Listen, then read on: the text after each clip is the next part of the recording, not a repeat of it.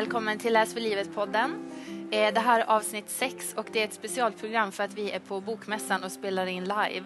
Så om det hörs ljud i bakgrunden så är det massa bokälskare som är och handlar och lyssnar på föredrag. Eh, Och dagens gäst heter Daniel Sandström. Hej! Hej, hej. Och du är just nu förläggare på Albert Bonniers. Ja, det stämmer. Ja, och har innan varit journalist på Sydsvenskan och Svenska Dagbladet. Det stämmer också. Mm. Så du håller på väldigt länge med text. Ja, det kan man säga. Eh, och det här avsnittet ska handla om bildning, det svåra begreppet, Ja. eh, som jag vet att du har tänkt på från olika vinklar. Va, hur skulle du säga, beskriva vad bildning är, för det är så svårdefinierat. Nej, men det är klart, i i den klassiska meningen så är bildning ehm, en repertoar av kunskaper som man har med sig eh, egentligen i livets alla skeden. Eh, både professionellt och existentiellt. Eh, och också tillsammans så bildar det ett fundament som man kan bygga sin världsbild på. Eh, och, i, och i överförd mening kan man säga att samhället också kan, bygga, kan byggas på någon slags bildningsfundament. Att det finns saker som man måste känna till och, ha, och förstå, alltså historisk bildning eller kulturell bildning för att kunna navigera i samhället överhuvudtaget. Vad som har hänt är ju att, jag tror det här, de här behoven är ju fortfarande intakta. Eh, Vad som har hänt är att man är, man är mindre eh, villig att prata om bildning idag eh, därför att det uppfattas lite som en en von term att eh, bildade människor använder bildningen för att slå mindre bildade människor i huvudet med. Och, eh, och det finns ju, har alltid funnits sådana aspekter av bildningen att den har haft en disciplinär och exkluderande roll som gör att den kan vara problematisk. Om jag säger att om jag slänger med en massa Goethe-citat och någon annan inte hänger med så, så är det klart att någon känner sig eh, eh, exkluderad. Och den här ganska ornamenterade bilden av bildningen är, eh, har ju då kanske uppfattats som en slags snobbism. Och då, därför så har vi, inte, har vi valt att inte prata om bildning längre. Och då missar man, tror jag, den här andra delen av bildningen som är den så att säga, essentiella delen av bildningen. Att, att kunna ha den här repertoaren för att kunna fungera som samhällsvarelse och, som- och som människa. Men när har det blivit det här att vi helst inte vill använda begreppet bildning? Hur, hur lång tid tillbaka pratar vi då? Alltså under efterkrigstiden så eh, var det ju viktigt för arbetarrörelsen, att, eller även under hela 1900-talet så har det Ja. varit viktigt för arbetarrörelsen att, att, man bildar sig. Arbetarnas eh, bildningsförbund och så vidare är tecken på det. Sen gradvis så sker det en, en förskjutning där man, där man är rädd för just att, att det här begreppet ska bli exkluderande. Eh, och att folk ska få dåligt samvete och så vidare. Eh, så jag skulle säga att någonstans kring 70-80-talet så, så började det utmanas på ett sätt att man kan inte längre eh, vifta med det på ett, på ett oproblematiskt sätt. Jag tycker att eh, eh, det känns som att vi har skalat av ganska mycket nu vad som ingår i bildning eh, och att det har fått en liten annan Eh, man kan till exempel tänka att man är jättebildad och har koll på populärkultur, för det upplever jag att många människor säger Absolut. att de hänger med, de är allmänbildade, de är Absolut. otroligt inlästa på tv-serier och filmer och så vidare. Eh, men sen saknar de jättemycket som säkert du skulle säga, det här ingår också i bildning. Det är ju så att bildning en gång i tiden var nästan identiskt med boklig eller kulturell bildning. Men va- kulturbegreppet har ju vidgats väldigt mycket och det säger sig självt att om, om vi tar in allt fler saker i kulturbegreppet med rätta, det vill säga populärkultur, musik, eh, spel, allt det som är en del av, av det kulturella fältet på något sätt. Det är klart att, liksom att du kan inte reservera lika mycket utrymme för den klassiska litterära bildningen till exempel. Så det är klart att vi behöver, eh, tror jag, inte glömma bort att det finns en form av, av klassisk bildning som, som inte är egentligen konserverande på något sätt utan, utan som är, är livsbejakande och viktig del för att leva. Mm. tendensen nu blir ju lite det här att jag tycker att det har blivit ännu snabbigare med för att det är så många som eh, väljer bort eh, Odysseen och liknande. Man stoltserar med att man inte läser böcker och man har inte koll på det ena och det andra. Eh, att det är så, det blir ännu, ännu jobbigare att hålla på med det. Och då tappar ju bildning ännu mer. Ja, men man kan väl säga att, att eh, på den tiden som när man, man sa att bildning är väldigt viktigt så fanns det också väldigt goda förutsättningar för att upprätthålla den här kulturen. Det fanns en skola som var tämligen enhetlig. Eh, sen hade den andra brister, men det gjorde att man läste egentligen samma saker. Och man hade gemensamma referensramar. Det fanns en offentlighet som inte var särskilt stor eller väldigt koncentrerad till några stora aktörer som hade en monopolistisk ställning. Alltså några stora dagstidningar, eh, public service-medier, några stora bokförlag. Och fördelen med det är att det skapade väldigt mycket en, en gemensam offentlighet som kunde säga att vi tycker det här är viktigt. Eh, i den postmoderna tid vi lever i nu så har den här offentligheten krackelerat i massa små offentligheter. Alltså eh, tusentals öar av information där man samlas beroende på vilket intresse man har mm. eller vilken identitet man har. Det finns nog väldigt mycket gott i detta, att, att, att, informationen är tillgänglig, att informationen finns där ute, att man kan välja själv, att den inte är, måste filtreras genom några få gatekeepers. Men det betyder inte att tidningar eller public service eller bokutgivning inte är viktigt.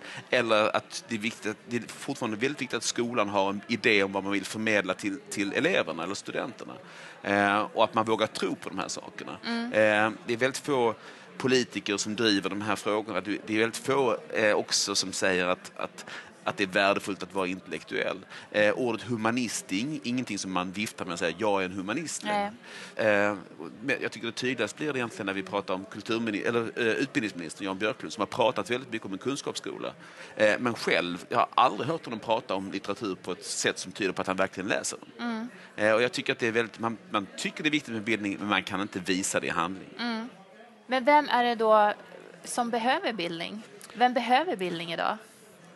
Och varför? Om man definierar bildning som en uppsättning, en repertoar ja. eh, som gör att man kan orientera sig inte bara eh, i, eh, i nuet utan också historiskt så skulle jag säga att alla människor behöver det.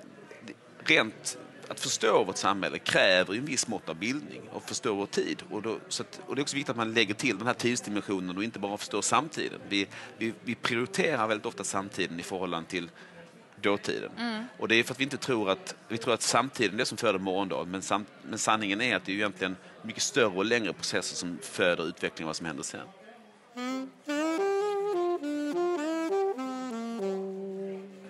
Det var intressant du sa här om politiker, för valfrågan, eller den största valfrågan har ju nu varit i skolan, tycker ja. jag.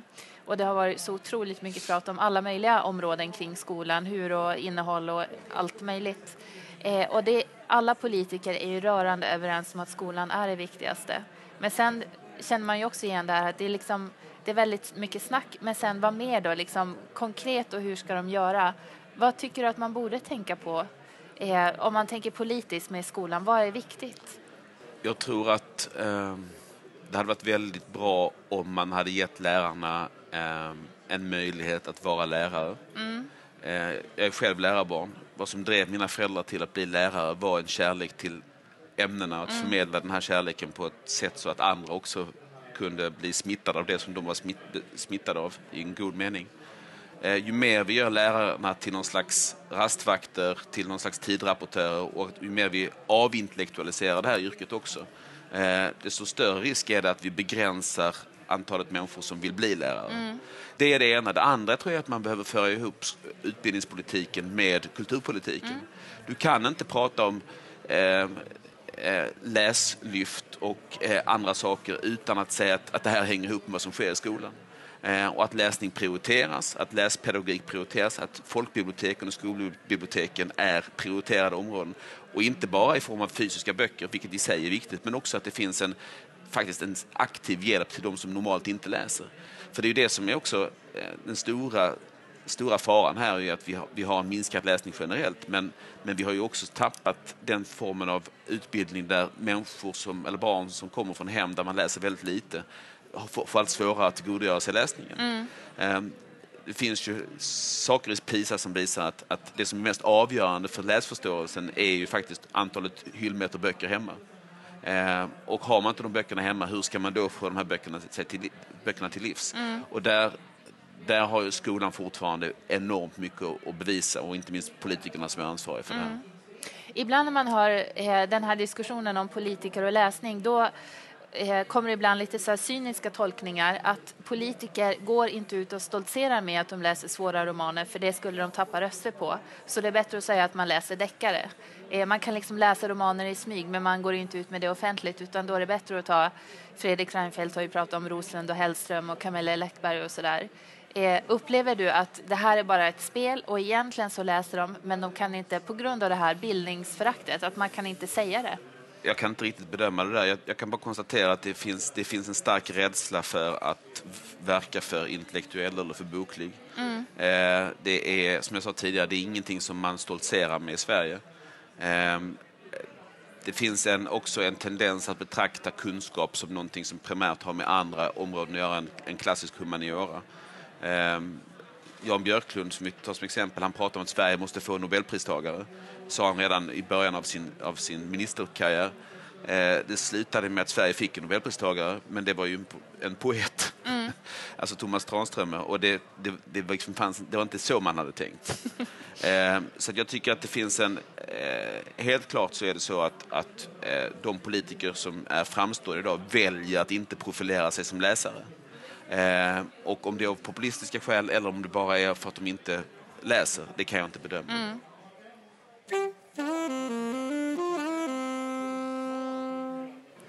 Jag skulle vilja byta spår lite grann för att eh, eh, du har ju varit först på tidningar och nu är du på Bonniers. Eh, och jag tänker på den här vikande läsförståelsen som inte är ny, den har ju pågått ganska länge. Eh, är det någonting som under din karriär, har man, vad har man tagit för hänsyn till det? Det faktum att folk läser sämre, man orkar inte läsa lika långt när det gäller artiklar och sådana saker. Är det här någonting som tidningar, man anpassar sig, man gör mer av det eller det eller? Man måste komma ihåg att när jag började på tidningar eh, slutet på 90-talet eh, så var ju fortfarande egentligen pappret den enda, det enda sättet att lagra information. Mm. Ehm, och det betydde att en artikel kunde innehålla väldigt mycket basfakta. Ehm, alltså eh, sånt som man idag går på nätet för att ta reda på. Jag hade en, en väldigt begåvad filmskribent när jag var på Sydsvenskan som alltid när han nämnde en regissör så kom det åtta titlar som den här regissören också hade gjort. Gärna med både svensk och engelsk titel. Eh, och det var ju för att liksom, han ville påminna läsekretsen om att det här var en viktig och betydande regissör. Eh, men den här överskottsinformationen på något sätt, den försvinner ju lite när du har en digital informationsbank. Eh, och det är väldigt viktigt att framhålla att på många sätt så är ju de digitala plattformarna egentligen en humanists dröm. För det, det är drömmen om det oändliga biblioteket, att mm. allting finns tillgängligt. Och det, det, det, enda som är problemet med det här är ju att det här biblioteket här ute det utmanar egentligen vår förmåga att minnas. För förr så samlade vi all den här informationen i vårt huvud. Det var ju därför som den här filmskribenten han, han, liksom, han skrev det utifrån sitt minne för att, för att poängtera det hela tiden och för att hålla det kvar i, i andras minnen. Eh, så när vi inte behöver minnas det på samma sätt så, så, så tränar vi inte den här minnesgrejerna mm. på samma sätt. Och det är klart att det påverkar att vi har mycket mer ungefärlig kunskapsbild idag. Eh, allting är lite mer höftat. Eh, och också informationsprocessen går snabbare. De som jobbar med tidningar och så vidare, så klart att det finns en tendens att anpassa sig till en stressad läsekrets. Och vi ser också en ännu ökad tendens att rörlig bild ersätter det skrivna ordet. Det är en väldigt tydlig trend ja. som drivs egentligen av teknologin, att vi kan faktiskt ha rörlig bild i mobilen. Och allt det här är ju en del av ett jätteskifte som digitaliseringen innebär. Och vad, vad, vi saknar i Sverige egentligen är ett, ett helhetsgrepp på den här förändringen. Vi befinner oss i den största kanske kulturella revolutionen sedan tryckpressen. Och det finns en slags handfallenhet när det gäller de här frågorna från kulturpolitiskt håll och också utbildningspolitiskt håll. Mm. Man förstår faktiskt inte riktigt vad som håller på att hända. Mm.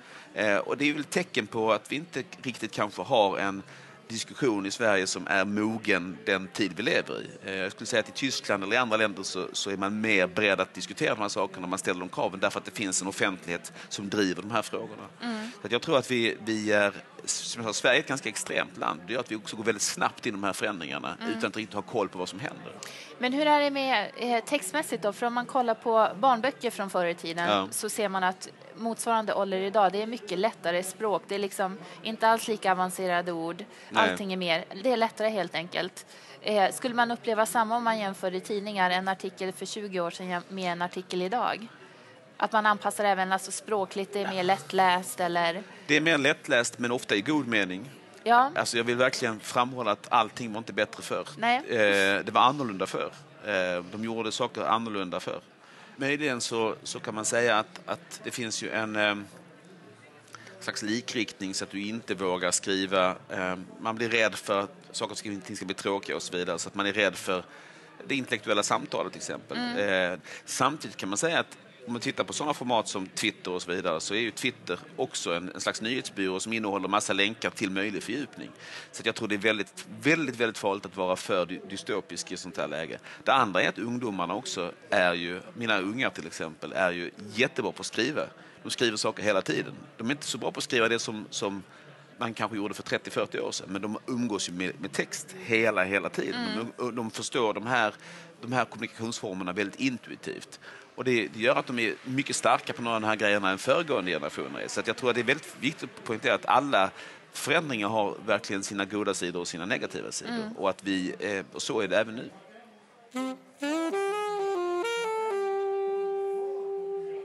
Eh, som avslutning då, det här med det här har vi hört jättelänge, att romanen håller på att dö. Det är snart kört.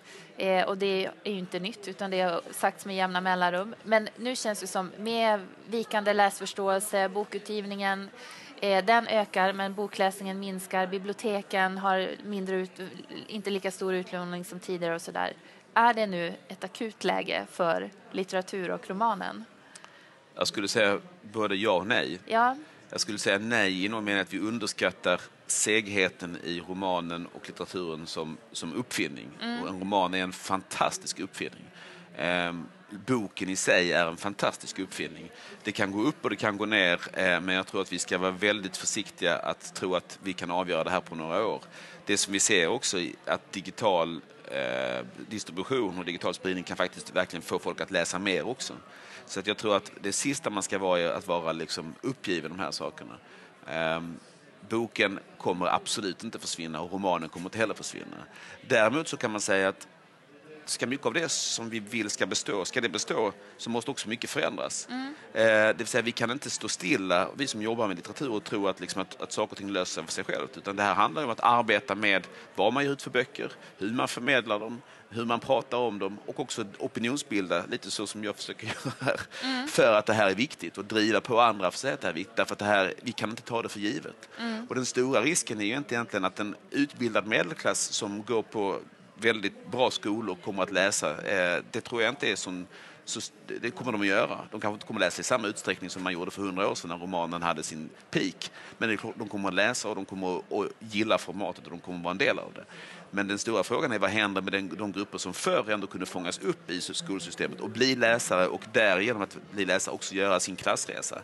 För dem finns det ingen politik idag. Och ett, en fara tror jag är att man just tror att men de behöver inte läsa Shakespeare, eller de behöver inte lära sig de här sakerna för det är ändå förbi. Ja. Men de bildade klasserna, eller de utbildade medelklassen, de har ju fortfarande tillgång till de här sakerna. Så att jag, det är jag nästan mest rädd att, att man i radikalitetens namn tror att man kan ta bort saker och samtidigt öka det demokratiska eh, utbildningsmandatet. Men så är det ju inte. Mm. Man måste ha, vara väldigt mån att driva att fler måste få chansen att läsa, fler måste få chansen att möta kultur som är svår och kvalificerad och de måste få ha hjälp på den vägen och det är samhällets förbannade skyldighet. Jag är lite nervös för att det ska bli så här att eh, litteraturen om några år blir den här typ exklusiv, eh, kanske som opera. Operan. Det är en liten grupp som ägnar sig åt det, de älskar det, men den stora majoriteten känner det här kan vi leva utan, vi behöver inte. Jag tror att, att den risken är inte så stor. Nej. Men det är klart att det finns eh, vi, kan se det här kulturen som ett ekosystem. Ska ett ekosystem fungera så måste det finnas väldigt smal litteratur som är väldigt mycket på gränsen och testar möjligheterna för vad man ska göra. Och det måste finnas bred litteratur också.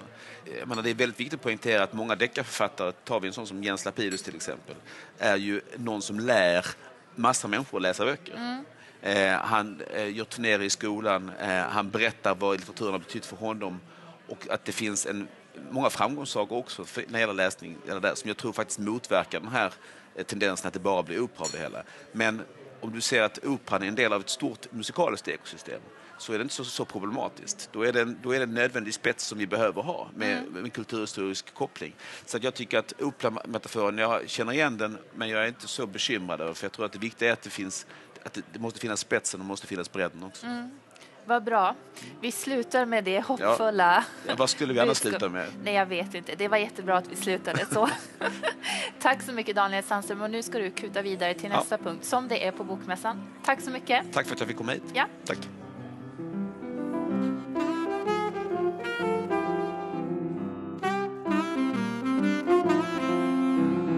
Läs för livet görs av produktionsbolaget Munk.